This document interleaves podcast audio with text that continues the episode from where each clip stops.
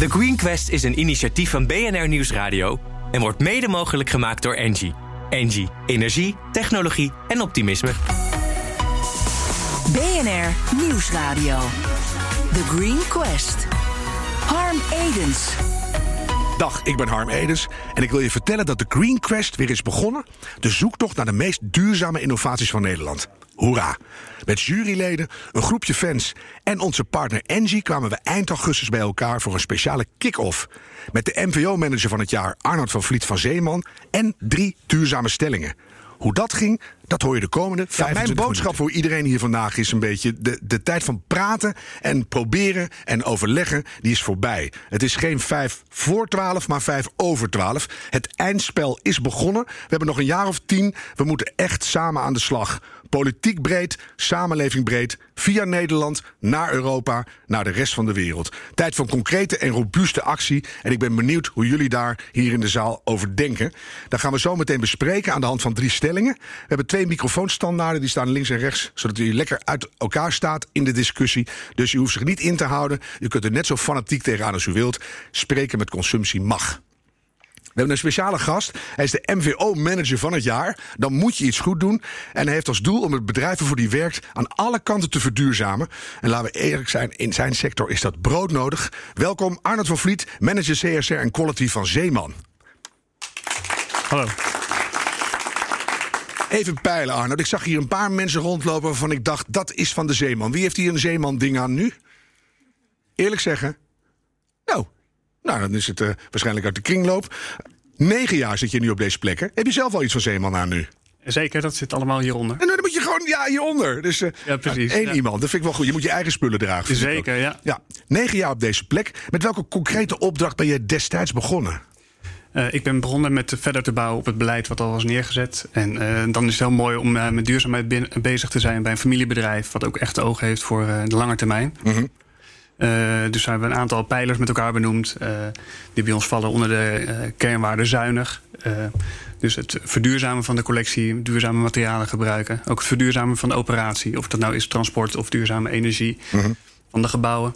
En ik mis er nog één, en dat is misschien wel een hele belangrijke: transparantie in de supply chain. Ja, transparantie in de supply chain, daar hebben we de laatste jaren ook zeker stappen mee gemaakt. Uh, alle leveranciers zijn bijvoorbeeld met naam en toenaam te vinden op onze website. Ja, uh, nou lijkt het me voor een bedrijf als Zeeman, groot bedrijf, een enorme uitdaging om het, het circulair te krijgen en energie-neutraal. Hoe, hoe ga je dat aanpakken? Uh, ja, daarvoor heb je ten eerste heel veel inzicht nodig in de supply chain. Dus dat je ook weet uh, niet alleen waar de artikelen in elkaar gezet worden, maar ook waar ze gewassen en geverfd worden.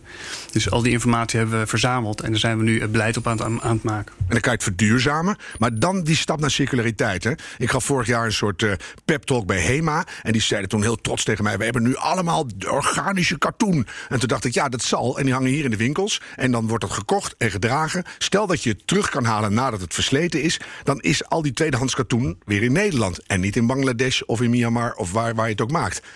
Hoe ga je dat circulair breien? Precies, Zeeman is een bedrijf, een familiebedrijf wat al 54 jaar bestaat. En inderdaad een, een traditionele, uh, traditioneel businessmodel. Uh, uh, dus we zijn nu aan het kijken van hey, wat zijn er nieuwe businessmodellen die we kunnen toepassen om met circulariteit stappen te maken.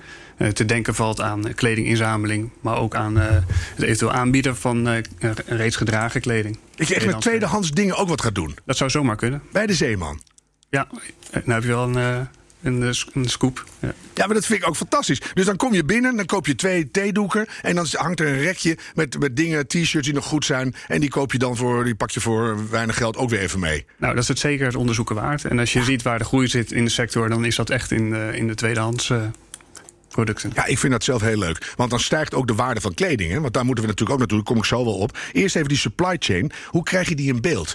Want ik ken dat een beetje van de chocoladeindustrie. Toen Tony Chocoloni begon met slavenvrije chocola... Mm. moesten ze snel de claim eigenlijk alweer terughalen. Want ze zeiden het is zo complex... hoe je ergens in Ivoorkust bij het allerlaatste cacaoboompje uitkomt. Niet te doen. Ja. Hoe doen jullie dat? Je krijgt hem in beeld door ten eerste te focussen op de lange termijn relaties. Dus niet voor een dubbeltje naar een andere leverancier te rennen elk seizoen.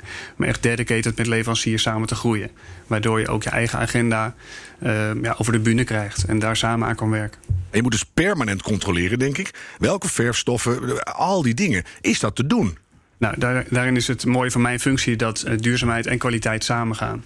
Dus doordat we vanuit het kwaliteitsoogpunt heel erg goed voorschrijven waar een product aan moet voldoen om de levensduur te bevorderen, maar ook dat je zorgt uh, dat er juist chemicaliën gebruikt worden in de juiste hoeveelheden. Of niet meer eigenlijk. Of, of niet meer, ja. En, en het watergebruik, hoe let je daarop? Weet jij hoeveel liter water er voor één t-shirt nodig is? Ja, dat gaat naar de 3000 liter. Ja, 2700 gemiddeld. Ja. Dat is onvoorstelbaar zwembad vol met water. Klopt. Dus als je daar uh, ook maar een beetje impact kan maken, dan heeft dat gelijk. Uh, ja, een heel positief effect. Ja, nou doen jullie je best. En jij zit er helemaal voor. En je staat hier ook. Dat vind ik heel dapper.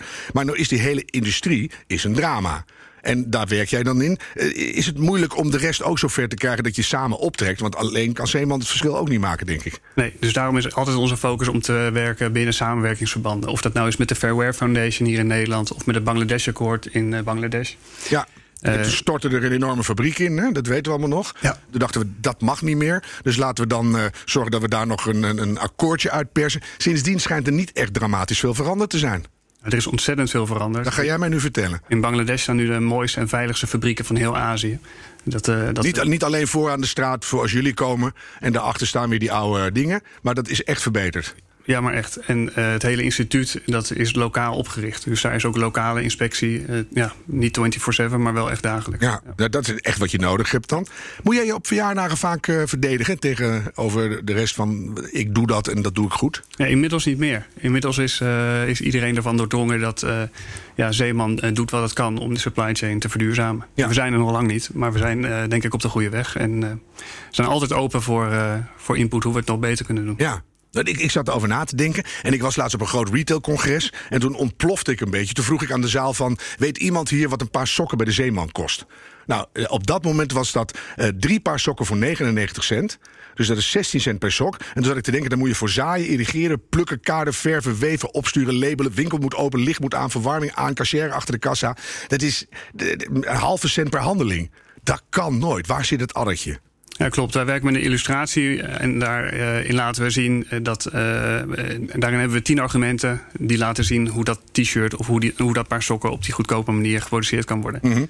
Maar je zegt het op de reclame ook altijd: wij kopen in groot in, we letten overal op, dus kan het duurzaam. Dan denk ik, ja, maar dat kan niet voor dat geld. Nee, en dat proberen we dus ook uit te leggen. Met, kan het wel, met, de campagnes, met de trouwjurk, met de sneakers en nu met het, uh, het luchtje, de parfum. Ja, de lucht. De lucht, inderdaad. We moeten er niet te luchtig over doen. Maar dat is inderdaad wel een, uh, een boodschap die we telkens weer willen. Maar is het überhaupt halen. te doen? Want ik denk, je, je kan het wel willen, maar die lonen zijn natuurlijk heel laag daar. Dat moet langzaam omhoog. Ja. Wil je die hele wereldbevolking meenemen? Is het te doen om voor zulke lage kosten circulair duurzaam je textiel te produceren? Ja, dat denk ik zeker. Of moet het toch langzaam duurder worden? Het zal ook uh, duurder kunnen worden, maar wij geloven ook dat met die lage prijs het uh, verantwoord kan. Mm -hmm. In hoeverre is die consument en wij zelf dus verantwoordelijk? Moeten wij beter letten op wat we kopen? Ik denk het zeker. Uh, als je naar ons assortiment kijkt, dan focussen wij op basic producten. Dus ondergoed, sokken, badhanddoeken, um, basistextiel.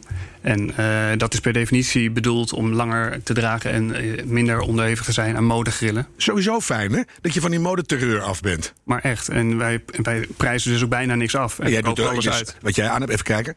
Dat is echt heel basic. Ja, het is gewoon, dat ja, kan je over tien jaar nog aan. Maar echt, ja. ja. kleurt goed bij mijn ogen. Ja, precies. Je moet gewoon leuke dingen kiezen. Precies, En ik zag laatst een bejaarde in een Chanel pakje. Dat was 50 jaar oud, beeldschoon. Chanel is niet voor iedereen weggelegd. Maar dat is dus ook een truc. Dat je van die waan van de dag afgaat. En uh, gewoon, gewoon echt koopt wat goed is. Ja. Um, nou hebben jullie uh, het soort eigen initiatieven, zei je al. Uh, je, je, wil circulair worden, je, je, werkt samen met dingen. Maar je doet ook nog hele mooie uh, eigen initiatieven. Dat wil ik toch even noemen. Een mm -hmm. wasmachinefilter. Ja, daar zijn we volop mee bezig. We zijn in gesprek geraakt met de Plastic Soup Foundation. En die zijn uh, met een partij in contact, contact geraakt uit uh, Slovenië. En die maken een, uh, of die hebben al een, een, wasmachinefilter ontwikkeld. En we kijken nu hoe we dat filter achter elke voordeur kunnen krijgen. En wat, wat filtert het eruit en wat moeten we er dan mee? 90% van alle microplastics. En microplastics die komen vrij na het wassen van synthetische ja, ja. vezels. En weet je wat er dan gebeurt? Die microplastics worden nanoplastics. En weet je wat er met nanoplastics gebeurt? Nou, google dat maar. De hele sfeer bederf ik dan weer. Dus, Precies, het komt ja, in het milieu terecht. Je moet het eruit halen. En wanneer is die filter klaar en kunnen we die allemaal krijgen? Nou, de filter bestaat al, maar de vraag is nu hoe gaan we dit opschalen... zodat elk huishouden er eentje krijgt. Ja, mooi. En ja. je kan er ook weer draad van maken, hè? Precies, ja. Er komt nu uh, mode speciaal gemaakt uit, uit de IJssel opgevist plastic. Ja, prachtig. Ja. Nou, daar word je toch allemaal blij van. Zeker. Ik wil nog even je droom weten. Als je, hoe oud ben je nu? Nog niet zo oud? Nee, je zou het niet zeggen, 43. Oh, ik dacht, ik dacht nou, 22. Maar Ja. je hebt een eh, volstrekt Ja, uh, naturel open uitstraling. nog even, ja. 43. Wa- over 20 jaar? Doe maar 10 jaar. Dat is een beetje Mhm. een goede. Waar wil je over 10 jaar zijn? Nou, dat we in ieder geval ehm, als sector een, een businessmodel hebben omarmd... wat inderdaad wel circulair is en waarin de, de, de negatieve impact is vervaagd. Ja, het moet gewoon echt gebeuren. Maar echt. Ik ga je bedanken. Een heel groot applaus. Arnold van Vliet, manager CSR en quality van Zeeman. En MVO-manager van het jaar. Ook voor mij een applaus. Dankjewel. Blijf jij erbij staan, kun je gewoon doen. Kan je ook mee op de stellingen reageren. Ehm, het is tijd om, om de rest van de zaal aan bod te laten komen. Ik ben erg benieuwd hoe jullie kijken naar de verschillende thema's binnen het domein van die volhoudbare wereld. We hebben drie stellingen. De eh, tweede wordt door Jacqueline Kramer, onze trotse juryvoorzitter, geïntroduceerd. Eh, de derde hoor je nog. En de eerste is van mezelf. Ik vind het wat pretentieus, maar kon het niet laten. Ik zat te denken, ehm, toen asbest de wereld uit moest, ergens in de jaren negentig, toen piepte de hele bevolking en met name ook de bedrijven. Dat kan niet, asbest zit overal in, dat is helemaal niet te doen. En, en toen riep de overheid, ja, maar het moet. En toen kon het ineens wel. En nu hebben we het coronavirus en de crisis. Toen dacht ik terug aan de bankencrisis, waarin Wouter Bos in één nachtje een paar systeembanken overnam. En toen dacht ik, deze crisis die er nu is, is veel groter. Je kent misschien die cartoon. Dan ligt er een mannetje op het strand en die ziet een COVID-vloedgolf aankomen. En die zegt dan: Oh mijn hemel, die COVID gaat voor een hoop ellende zorgen. Maar achter die COVID-vloedgolf is de klimaatveranderingsvloedgolf. Die is veel hoger. Maar dat kan dat mannetje niet zien door die eerste vloedgolf. Achter de klimaatveranderingsvloedgolf heb je de schaarste vloedgolf. Omdat de komende 20, 30 jaar gaan 50 elementen uit het periodiek systeem op. Dus die schaarste vloedgolf is nog groter. Kon dat mannetje ook niet zien. En achter de schaarste vloedgolf zie je de afname in biodiversiteit en biomassa vloedgolf. En dat is de allerergste. En die komt er ook aan. Die kon dat mannetje al helemaal niet zien. Dus toen dacht ik, dit is misschien het allergrootste probleem wat de mensheid ooit, nou sinds de vikingen dan misschien, maar ooit bij de hand gehad heeft. Dus de tijd om. eh, daar heel rustig in het bedrijfsleven aan te prutsen, die is voorbij. We moeten Nederland als businesspark uitrusten om Europa en de rest van de wereld te gaan bestormen. En dat moet centraal worden aangestuurd. Als je bijvoorbeeld kijkt naar het boerenbeleid. eh, Die boeren die willen eigenlijk wel eens individueel met ze praten. Ze weten alleen niet hoe. En hoe ze de komende tien jaar zeer circulair moeten doorpakken, het is niet bekend. En als je kijkt naar het hele land, voor het eerst in lange, lange tijd komt er weer een nota ruimtelijke ordening. Niet alleen voor het eh, volplempen van het land met huizen, maar ook voor de zonnepanelen, de zonneparken, ook op zee. Dus centrale regie is nodig. Daarom is mijn stelling: de overheid moet veel meer de regie gaan voeren in het verduurzamen van ons land. Nou, die staat. Graag jullie reactie. Ik begin even bij Arnoud.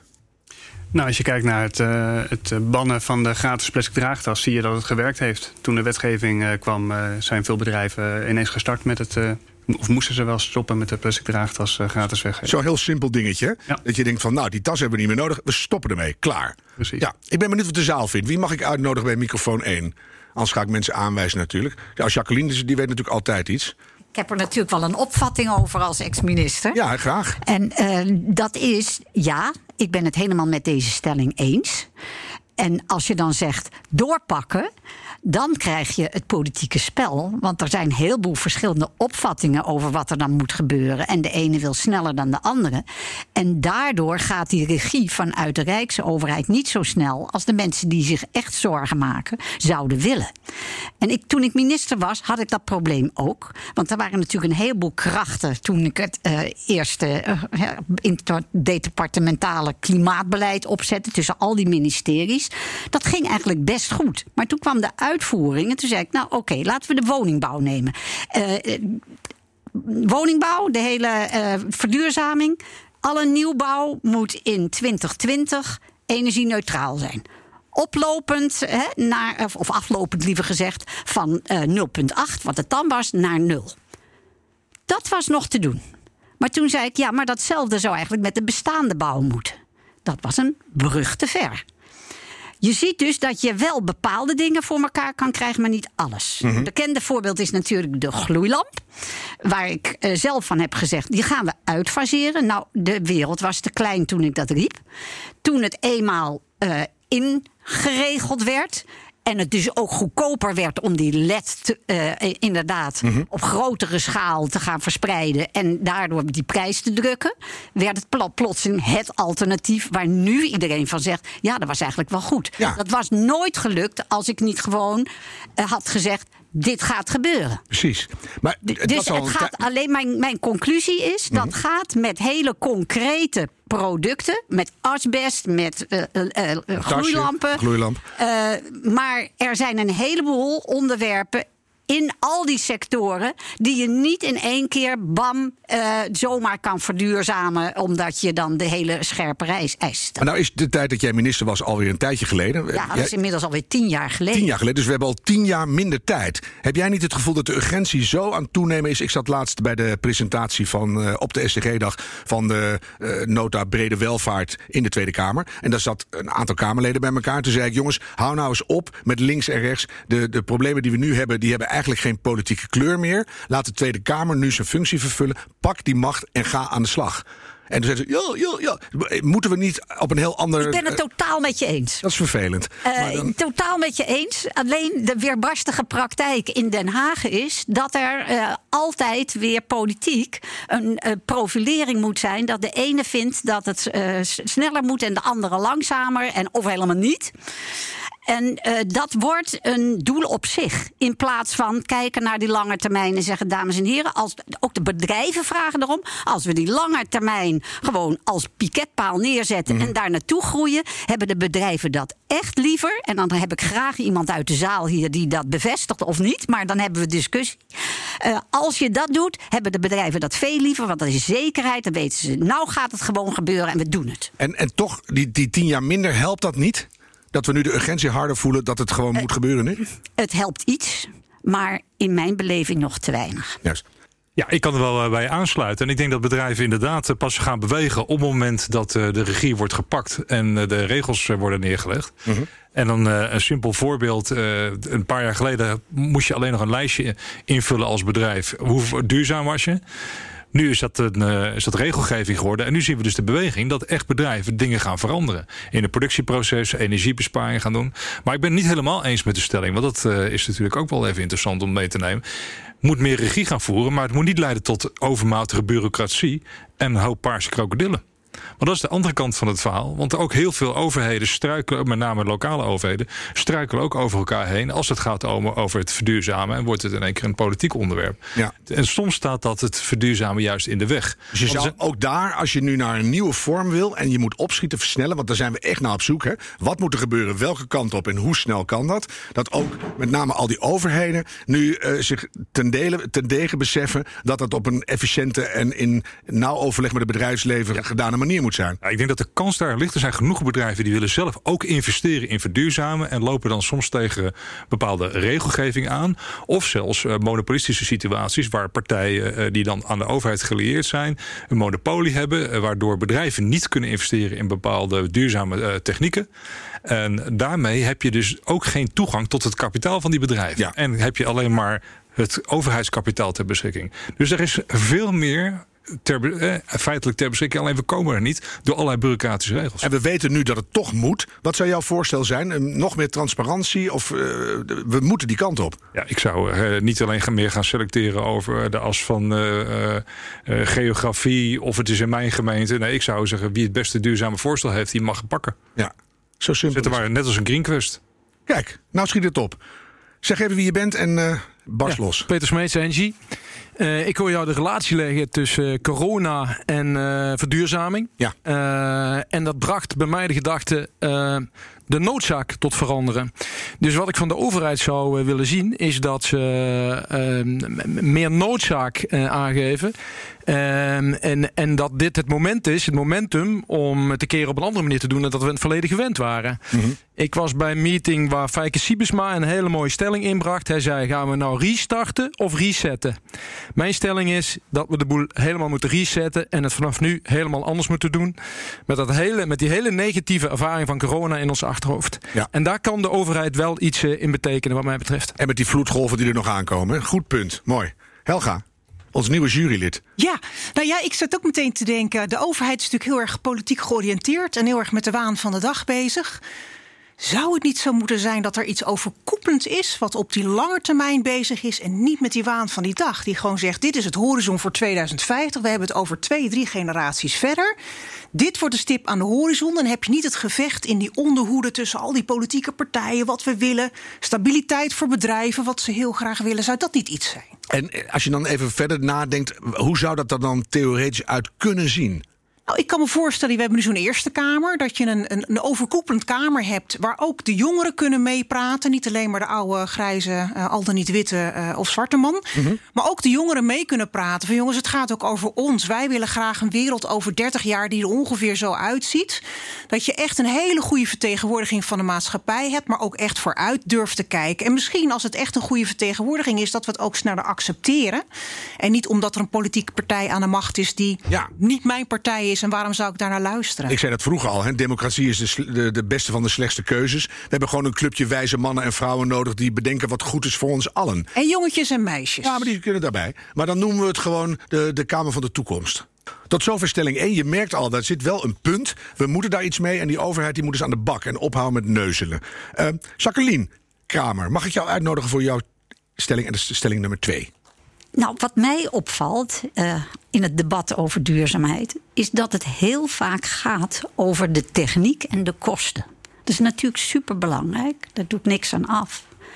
Maar als we kijken naar wat er moet gebeuren in het kader van de verduurzaming van onze energievoorziening en het eigenlijk zorgen dat we van een wegwerpmaatschappij naar een kringloopeconomie gaan, dan heb je ook nodig dat wij ons gedrag aanpassen. En wij, dat zijn de producenten, de consumenten, de overheid, we hebben het er net over gehad. En dat noem ik sociale innovatie. En mijn stelling gaat over het volgende. Dat is duurzame innovatie is niet alleen een technische innovatie, maar vooral een sociale innovatie. En daar is te weinig oog voor. Mooi. En dat laatste mag je wat mij betreft nog even uh, uitdiepen. Te weinig oog voor. Kan je dat iets uh, groter maken? Vanuit de overheid, uit, vanuit ons allen? Ja, kan ik, uh, neem het voorbeeld van Zeeman.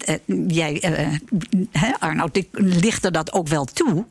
Maar als jullie bezig zijn als zeeman om dat te veranderen, dan heb je ook die consument nodig die op een andere manier kijkt naar wat is kleding en moet ik al dan maar die fast fashion uh, accepteren? Of denk ik anders na, we noemen dat dan slow fashion, waarbij we zorgen dat al die kleding weer in die kringloop terugkomt. Ja. Nou, dat, dat doe je echt niet met techniek en ook niet met geld. Nee. Dat is echt, wij moeten onze manier van kijken naar hoe gaan wij met al onze spulletjes om, echt om uh, keren. Een soort nieuwe waardeketen, hè? Ja, het is gewoon ook... een nieuwe manier van eigenlijk in het leven staan haast. En dat is ook Misschien is dat te dramatisch gezegd. Nou, vind ik niet. Maar uh, zo voel ik het wel. En ik, als je dat ook weer een beetje met de covid-crisis vergelijkt... Uh, toen hadden we ineens ook oog voor oude waardes die we vergeten waren. Dus ik, heb, ik heb vrienden die gooien één keer per vijf jaar hun hele interieur weg... omdat het bij de leenbakker zo lekker goedkoop is voor een nieuw interieur. En dan denk ik, A, wat heb je dan met je bank... waar je allemaal mooie dingen op hebt gedaan, hopelijk. En uh, dat, is, dat is gewoon zonde. Dus er is geen enkele normale waardeketen meer in het huidige leven eigenlijk. Het is maar door consumeren, door jakkeren. En dat is jammer. Ik ben benieuwd naar reacties uit de zaal. Er is een Frans van der Born onderweg. En die is er bijna. Frans, wat wil je toevoegen? Ja, goedemiddag. Ik ben het uh, eigenlijk helemaal met uh, Jacqueline eens. Ik denk dat uh, sociale innovatie inderdaad nodig is. En ik denk dat het vooral gaat over collectieve veranderbereidheid van de consument. en dat blijkt nog niet zo mee te vallen. We, zien dat nu bij corona. Corona is eigenlijk een mooie generale repetitie voor klimaatadaptatie. en je ziet nu al hoe moeilijk het is om iedereen echt op diezelfde golflengte te krijgen. En wat zou je eraan kunnen doen vanuit bijvoorbeeld Engie? Nou, ik denk dat, uh, uh, dat communicatie ontzettend belangrijk is hierover. Maar ik denk dat we toch ook even wat verder moeten denken. En nogmaals, ik denk dat we nu bij corona zien uh, wat er gebeurt. Hè. op het moment dat je collectivistisch wil worden, dan worden sommige mensen individualistisch. Hè. Dat is een logische reactie. En ik denk dat wij meer in gesprek zouden moeten gaan over hoe je daarmee omgaat. Want ik denk dat daar de sleutel ligt tot de actiebereidheid ten aanzien van het klimaat. Ja. ja ik wil er wel direct bij zeggen: het gaat niet alleen om de consumenten. Het gaat ook om de producent. Die zal ook een ander gedrag moeten vertonen. En ook, daar hebben we het net over gehad, de overheid. Dus we zijn het met z'n allen. Want ik vind het een verkeerd beeld alsof de consument de enige is die zijn gedrag moet veranderen. Het is eh, een aanvulling op hetgeen gezegd wordt eh, door Frans. En mijn opvatting is ook er zit zoveel energie in die samenleving. Uh, van positieve dingen die de mensen wel willen. En ik vind dat wij veel meer waarde moeten hechten aan wat daar allemaal gebeurt in die samenleving. Ook binnen bedrijven, waar heel veel mensen echt die kant op willen. Die moet je eigenlijk positief mobiliseren door die krachten te bundelen. Daar ben ik zelf eh, op allerlei manieren mee bezig. Mm en dat betekent dat je eh, eigenlijk een nieuwe vorm van uh, het eigenlijk besturen van het land krijgt. Waarbij het niet alleen maar gaat. De overheid heeft uh, een idee en daar uh, moeten wij allemaal aan voldoen. Ze moet wel de piketpalen neerzetten en stevige en lange termijn en met allemaal tussendoelen. Mm -hmm. Maar ze moeten krachten in de samenleving mobiliseren. En daar moeten mensen zijn die dat dan ook gaan organiseren met elkaar. Opdat in een netwerk die hele vernieuwing tot stand komt. Dat kan binnen wijken, dat kan binnen productketens, nou noem maar op. En dat is de manier waarop ik zelf nu bezig ben. En waarvan ik vind dat we veel meer aandacht moeten hebben voor bottom-up. Mensen mobiliseren die echt in hun kracht gezet worden. Ja, en voor jullie alle drie eigenlijk. Zou het helpen, Jacqueline, dat eh, als bedrijven, die gaan natuurlijk ook aan de slag dan flink. En die transparantie wordt groter. Dus je corporate story moet naar buiten van wat zijn we eigenlijk aan het doen. Dat we dan ook toegeven waar af en toe de pijn zit. Bij COVID zie je meteen, ik heb geen werk meer... of dat gaat niet meer door theaters gaan dicht, cultuur verdwijnen. Iedereen heeft pijn. Daar hebben we het de hele tijd over. Dus dat wordt een soort collectief gevoel dat we dat omarmen... en proberen te helpen. Bij die hele verandering, die, die, die samenlevingsverandering... hoor je eigenlijk niemand. We willen op hetzelfde luxe niveau gewoon oud worden. Alles moet blijven zoals het is. Ondertussen moeten we totaal veranderen. Zou het fijn zijn als de overheid, het bedrijf, de zeemannen en de consument gewoon zeggen van jongens, nou af en toe doe ik dat niet meer, dat offer breng ik, maar dan krijg ik dat voor terug. Wat misschien heel fijn is. eens, het is uh, voor ons als zeeman ook heel belangrijk dat we dingen doen omdat we het zelf ook belangrijk vinden. En niet omdat het vanuit wetgeving wordt opgelegd. En ik denk dat er voor ons een hele belangrijke rol is om die 70 miljoen klanten per jaar ook te informeren over waarom wij de dingen doen die we doen. En ook waar onze dilemma's liggen. Ja, er staat iemand bij de microfoon. Ja, uh, ik ben het, Wilfried Verstraik, ik ben het eens met deze stelling. Ik zie het ook in uh, mijn werk heel erg duidelijk naar voren komen. zoals je weet, ik heb heel lang aan, zonne, 35 jaar aan zonne-energie gewerkt. En op een gegeven moment dacht ik van, dat ligt er zoveel, dat gaat een probleem opleveren. Dus hoe, wat kunnen we ermee doen? Bij, bij mij in de buurt om de hoek woonde Robin Berg van Lomboxnet, van WeDrive Solar. Die ging het idee ontwikkelen om elektrische deelauto's te ontwikkelen. Dus dat is een ondernemer die oog heeft voor sociale innovatie. En dat probeert daar te bereiken. En dat is inmiddels groot gegroeid en groter gegroeid. Uiteindelijk gaat het niet meer om het idee van ik wil mijn eigen auto voor de deur. Ik wil niet mijn eigen elektrische auto voor de deur. Ik wil gewoon mobiliteit wanneer ik het nodig heb. En er zijn ontwikkelingen. En een mooi voorbeeld vind ik dat er een nieuwe flat op het ongeveer op het station in Utrecht is neergezet. Met een parkeergarage eronder. Uh, de, de mensen die die, uh, die flat wilden kopen, die moesten, of een bepaald aantal moest daarvan een parkeerplaats kopen. Dat lukte dus niet. Er waren te veel mensen die geen parkeerplaats wilden. Dat vind ik een prachtig voorbeeld van het gaat dus werken. En vooral de energie vanuit uh, bottom-up coöperaties, noem maar op. zie ik, daar zie ik heel veel voordeel van komen. En dat linkt ook met de stelling 1.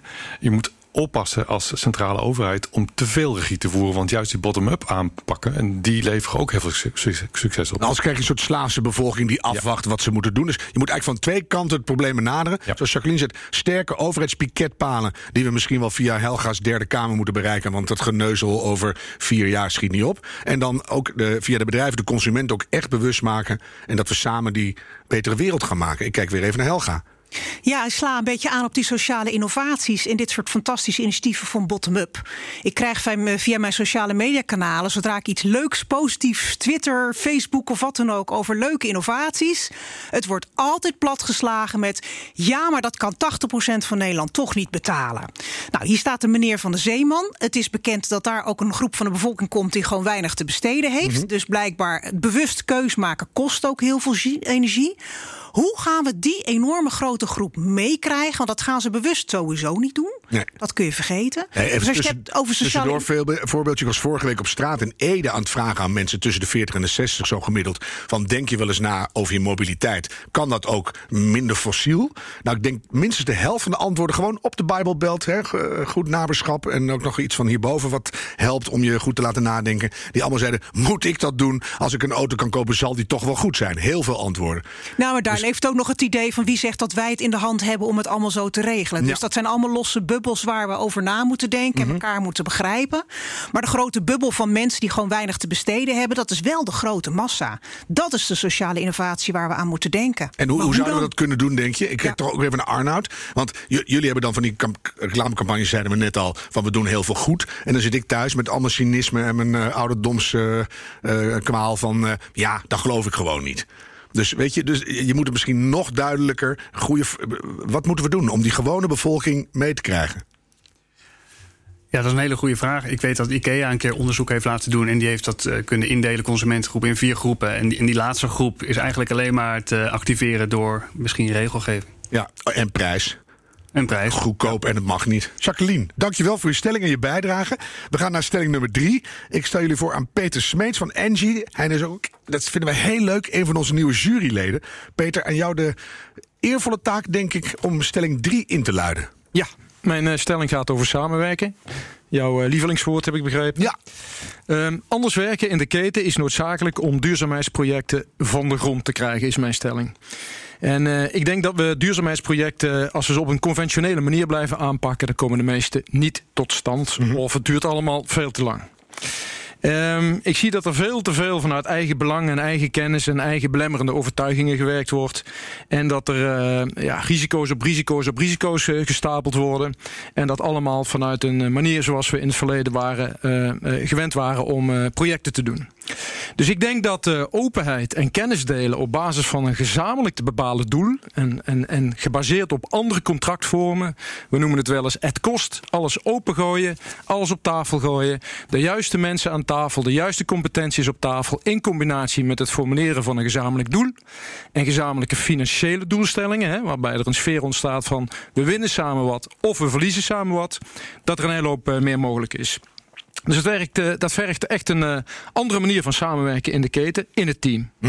En ik heb eh, die ervaring zelf ook. Ik was een aantal jaren een onderdeel van een groot project in Eindhoven, de Big Campus. En daar hadden we een onrendabele top. Dus het project was eigenlijk dood. En we hebben toen gezegd, we gaan het op een andere manier doen. En we gaan gezamenlijk de uitdaging aan om die onrendabele top financieel weg te managen. Het project staat er. We hebben nog een klein financieel gaatje, maar dat dichten we. Maar het project is wel een icoonproject geworden... waar we er eh, in de toekomst meerdere van eh, kunnen gaan maken. Moet je toch even uitleggen. Bij, bij wegmanagen denk ik aan fraude en dubbele boekhouding. Nee hoor. Nee, dat gaat over gezamenlijke doelstellingen formuleren. Waarbij aannemers, ontwikkelaars, banken, financiers, adviesbureaus in één keer eh, de neuzen dezelfde kant op richten. En dan komen er in één keer een hele hoop eh, mooie, mooie, mooie kansen. Maar dat is, dat Ik is, moest aan Solars denken daar Ja. straks. Een van de problemen die we hadden was de dakconstructie. Eh, die hebben we stevig moeten aanpakken. En dat heeft een hoop geld gekost. Eh, met lichtere zonnepanelen hadden we een paar ton kunnen besparen. Ja. Maar Dat is echt een heel mooi punt. Bij eh, eh, het nieuwe seizoen van de Green Quest gaan we ook de Green Challenge doen. Dan gaan we echt grote bedrijven zoals Engie, maar ook alle Philips en iedereen die maar wil, eh, nodigen we uit om te komen vertellen van wat doen wij intern aan groene, volhoudbare dingen. En wat hebben wij te geven aan de samenleving, aan andere bedrijven. En wat hebben we nodig. Dus het gaat niet echt over geld en over je patenten voor jezelf houden. Maar wat heb je te delen om de boel te versnellen. En dat is eigenlijk ook wat jij zegt. In die keten moet je veel beter samenwerken om eh, tot resultaat te komen. Dat vind ik heel erg mooi. Even de eerste reactie van Arnoud. Wat, wie- met wie zit jij in de keten? Wat zou je willen delen? En hoe kan je versnellen? Eh, nou, een belangrijke partij voor ons is nu de Fairware Foundation. En samen met die partij, eh, die ons ook komt beoordelen jaarlijks, eh, eh, zoomen we heel erg in op onze eigen inkooppraktijken.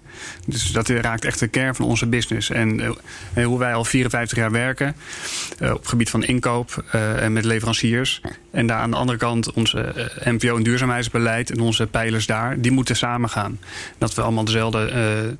Taal spreken. En dat wordt dan ook gedragen vanuit onze directie. Dus zo krijgen we een dynamiek intern waarbij de juiste gesprekken gevoerd worden. Ik ben erg benieuwd hoe je dat doet, hè? hoe je die openheid eh, bereikt, hè? hoe je dat voor elkaar krijgt. Hè? Dus ik kan dat wel willen en ik kan het wel roepen, maar, maar hoe doe je dat? Ja, Hoe deden jullie dat?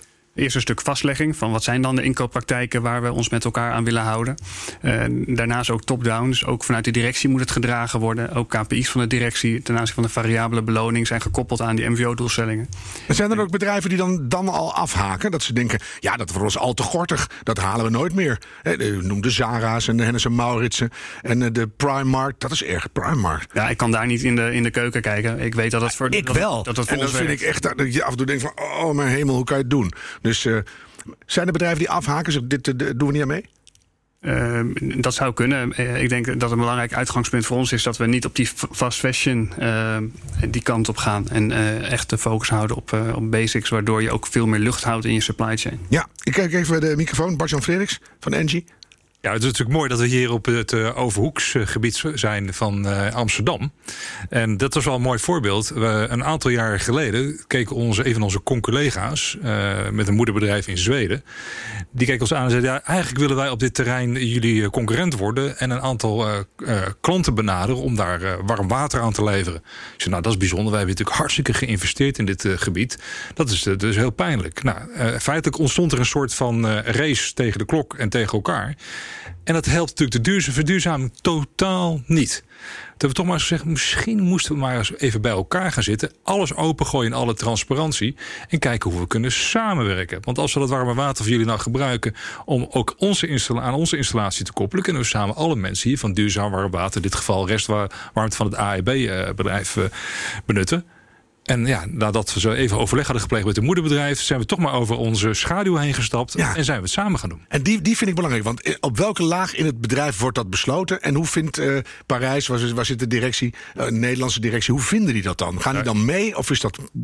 Nou, wij Nederland zijn natuurlijk wat over het algemeen iets recalcitranter, dus wij proberen het zo laag mogelijk met elkaar te beslissen. Ja. Dan mag je een beetje stout zijn. Dus dat, dat kon ook. Uh, in hun geval moesten ze echt wel naar de top toe van een staatsbedrijf, mag dat dan wel? Ja. Maar uiteindelijk, eh, ja, het, het, het, einddoel, het beste voor iedereen, dus de meest duurzame oplossing en ook het goedkoopst, maar wel in alle transparantie. Ja, en je ziet toch dat het A, een nieuwe manier is die veel meer oplevert en dat het ook de manier is waar we naartoe moeten. Zeker, maar het was niet makkelijk. Want dat wil ik wel even de stelling. Dus je moet wel met elkaar eens wat ja, die openheid durven te betrachten. Zal ik er weer een cliché in gooien? Een goed cliché gaat jaren mee. Zonder wrijving, geen glans. dus uh, als het makkelijk was, dan hadden we het al lang gedaan natuurlijk. Dus uh, Peter, um, oh, Jacqueline staat er eerst even. Ja, die voorbeelden die zijn heel sprekend over wat er moet gebeuren om goed samen te werken. En inderdaad is dat de grootste opgave als je echt wil verduurzamen in ketens. En we zitten elkaar best wel vaak in de weg.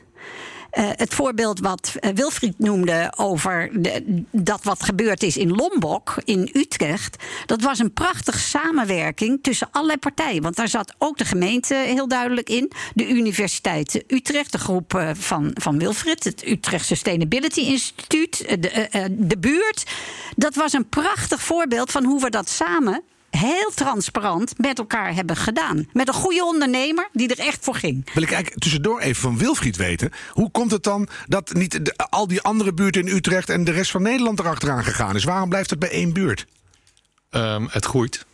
Toch? Ja, het groeit. Nee, de, één buurt was het eerste experiment met een uh, relatief hoog inkomensbuurt. Uh, relatief makkelijk te doen. Ja. De uitdaging is nu, en dat wordt verder gedaan in het Kanaaleiland en Overvecht, met een wat lage inkomensklasse, om dat ook voor elkaar te krijgen. Ja.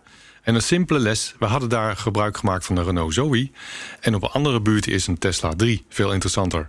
Want dan gaat het meer om de status van een auto dan om het delen. Nog steeds, hè? Misschien dus moet je dan meteen, steeds meer daarvan. Neem het, het meteen even mee. In de, iedereen krijgt een Volkswagen Up en dan uh, smoel houden. Weet je, bedoel, het, het gaat helemaal niet meer om wat voor auto je hebt, toch?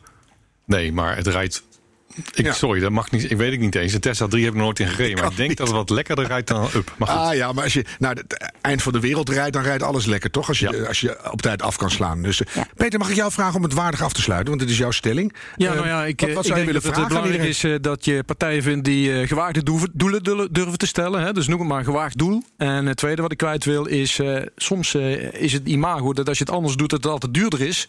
En ik heb een aantal projecten waar het tegendeel bewezen is. Ja. Dus het kan goedkoper en dus ook met meer rendement als je het slimmer doet. En mag ik jou dan uitnodigen om dat per project iedere keer weer te vertellen aan de ganse wereld. Iedere keer weer opnieuw. Iedere moeten- dag. we willen het allemaal horen. Ik ga jullie allemaal bedanken. Natuurlijk Peter voor je stelling. Ook alle andere mensen voor de stellingen en de meningen. Arnoud, dankjewel. Wij gaan zo meteen hier aan de borrel. En dan houden we natuurlijk rekening met de anderhalve meter. Maar dat is helemaal niet erg als er maar een goede borrel is. En de Green Quest gaat door. Daar zijn we heel blij mee. BNR en Engie gaan ook dit jaar weer op zoek naar de meest duurzame innovaties in Nederland. En dat neemt steeds vormen aan. En in de Green Challenge zoeken wij naar grote organisaties die hun duurzame plannen van aanpak met ons willen delen. Met de nadruk op delen. En dan gaan ze dat delen met andere grote bedrijven. En dan kunnen ze ook weer dingen terugvragen. Zodat we samen significant gaan versnellen. Want nogmaals, het eindspel is begonnen. En heb je suggesties? Laat het ons weten. Ook voor deze specifieke kick-off bijeenkomst wil ik graag eindigen met de wijze woorden. Die volhoudbare wereld, die maken wij samen. The Green Quest is een initiatief van BNR Nieuwsradio en wordt mede mogelijk gemaakt door Engie. Engie, energie, technologie en optimisme.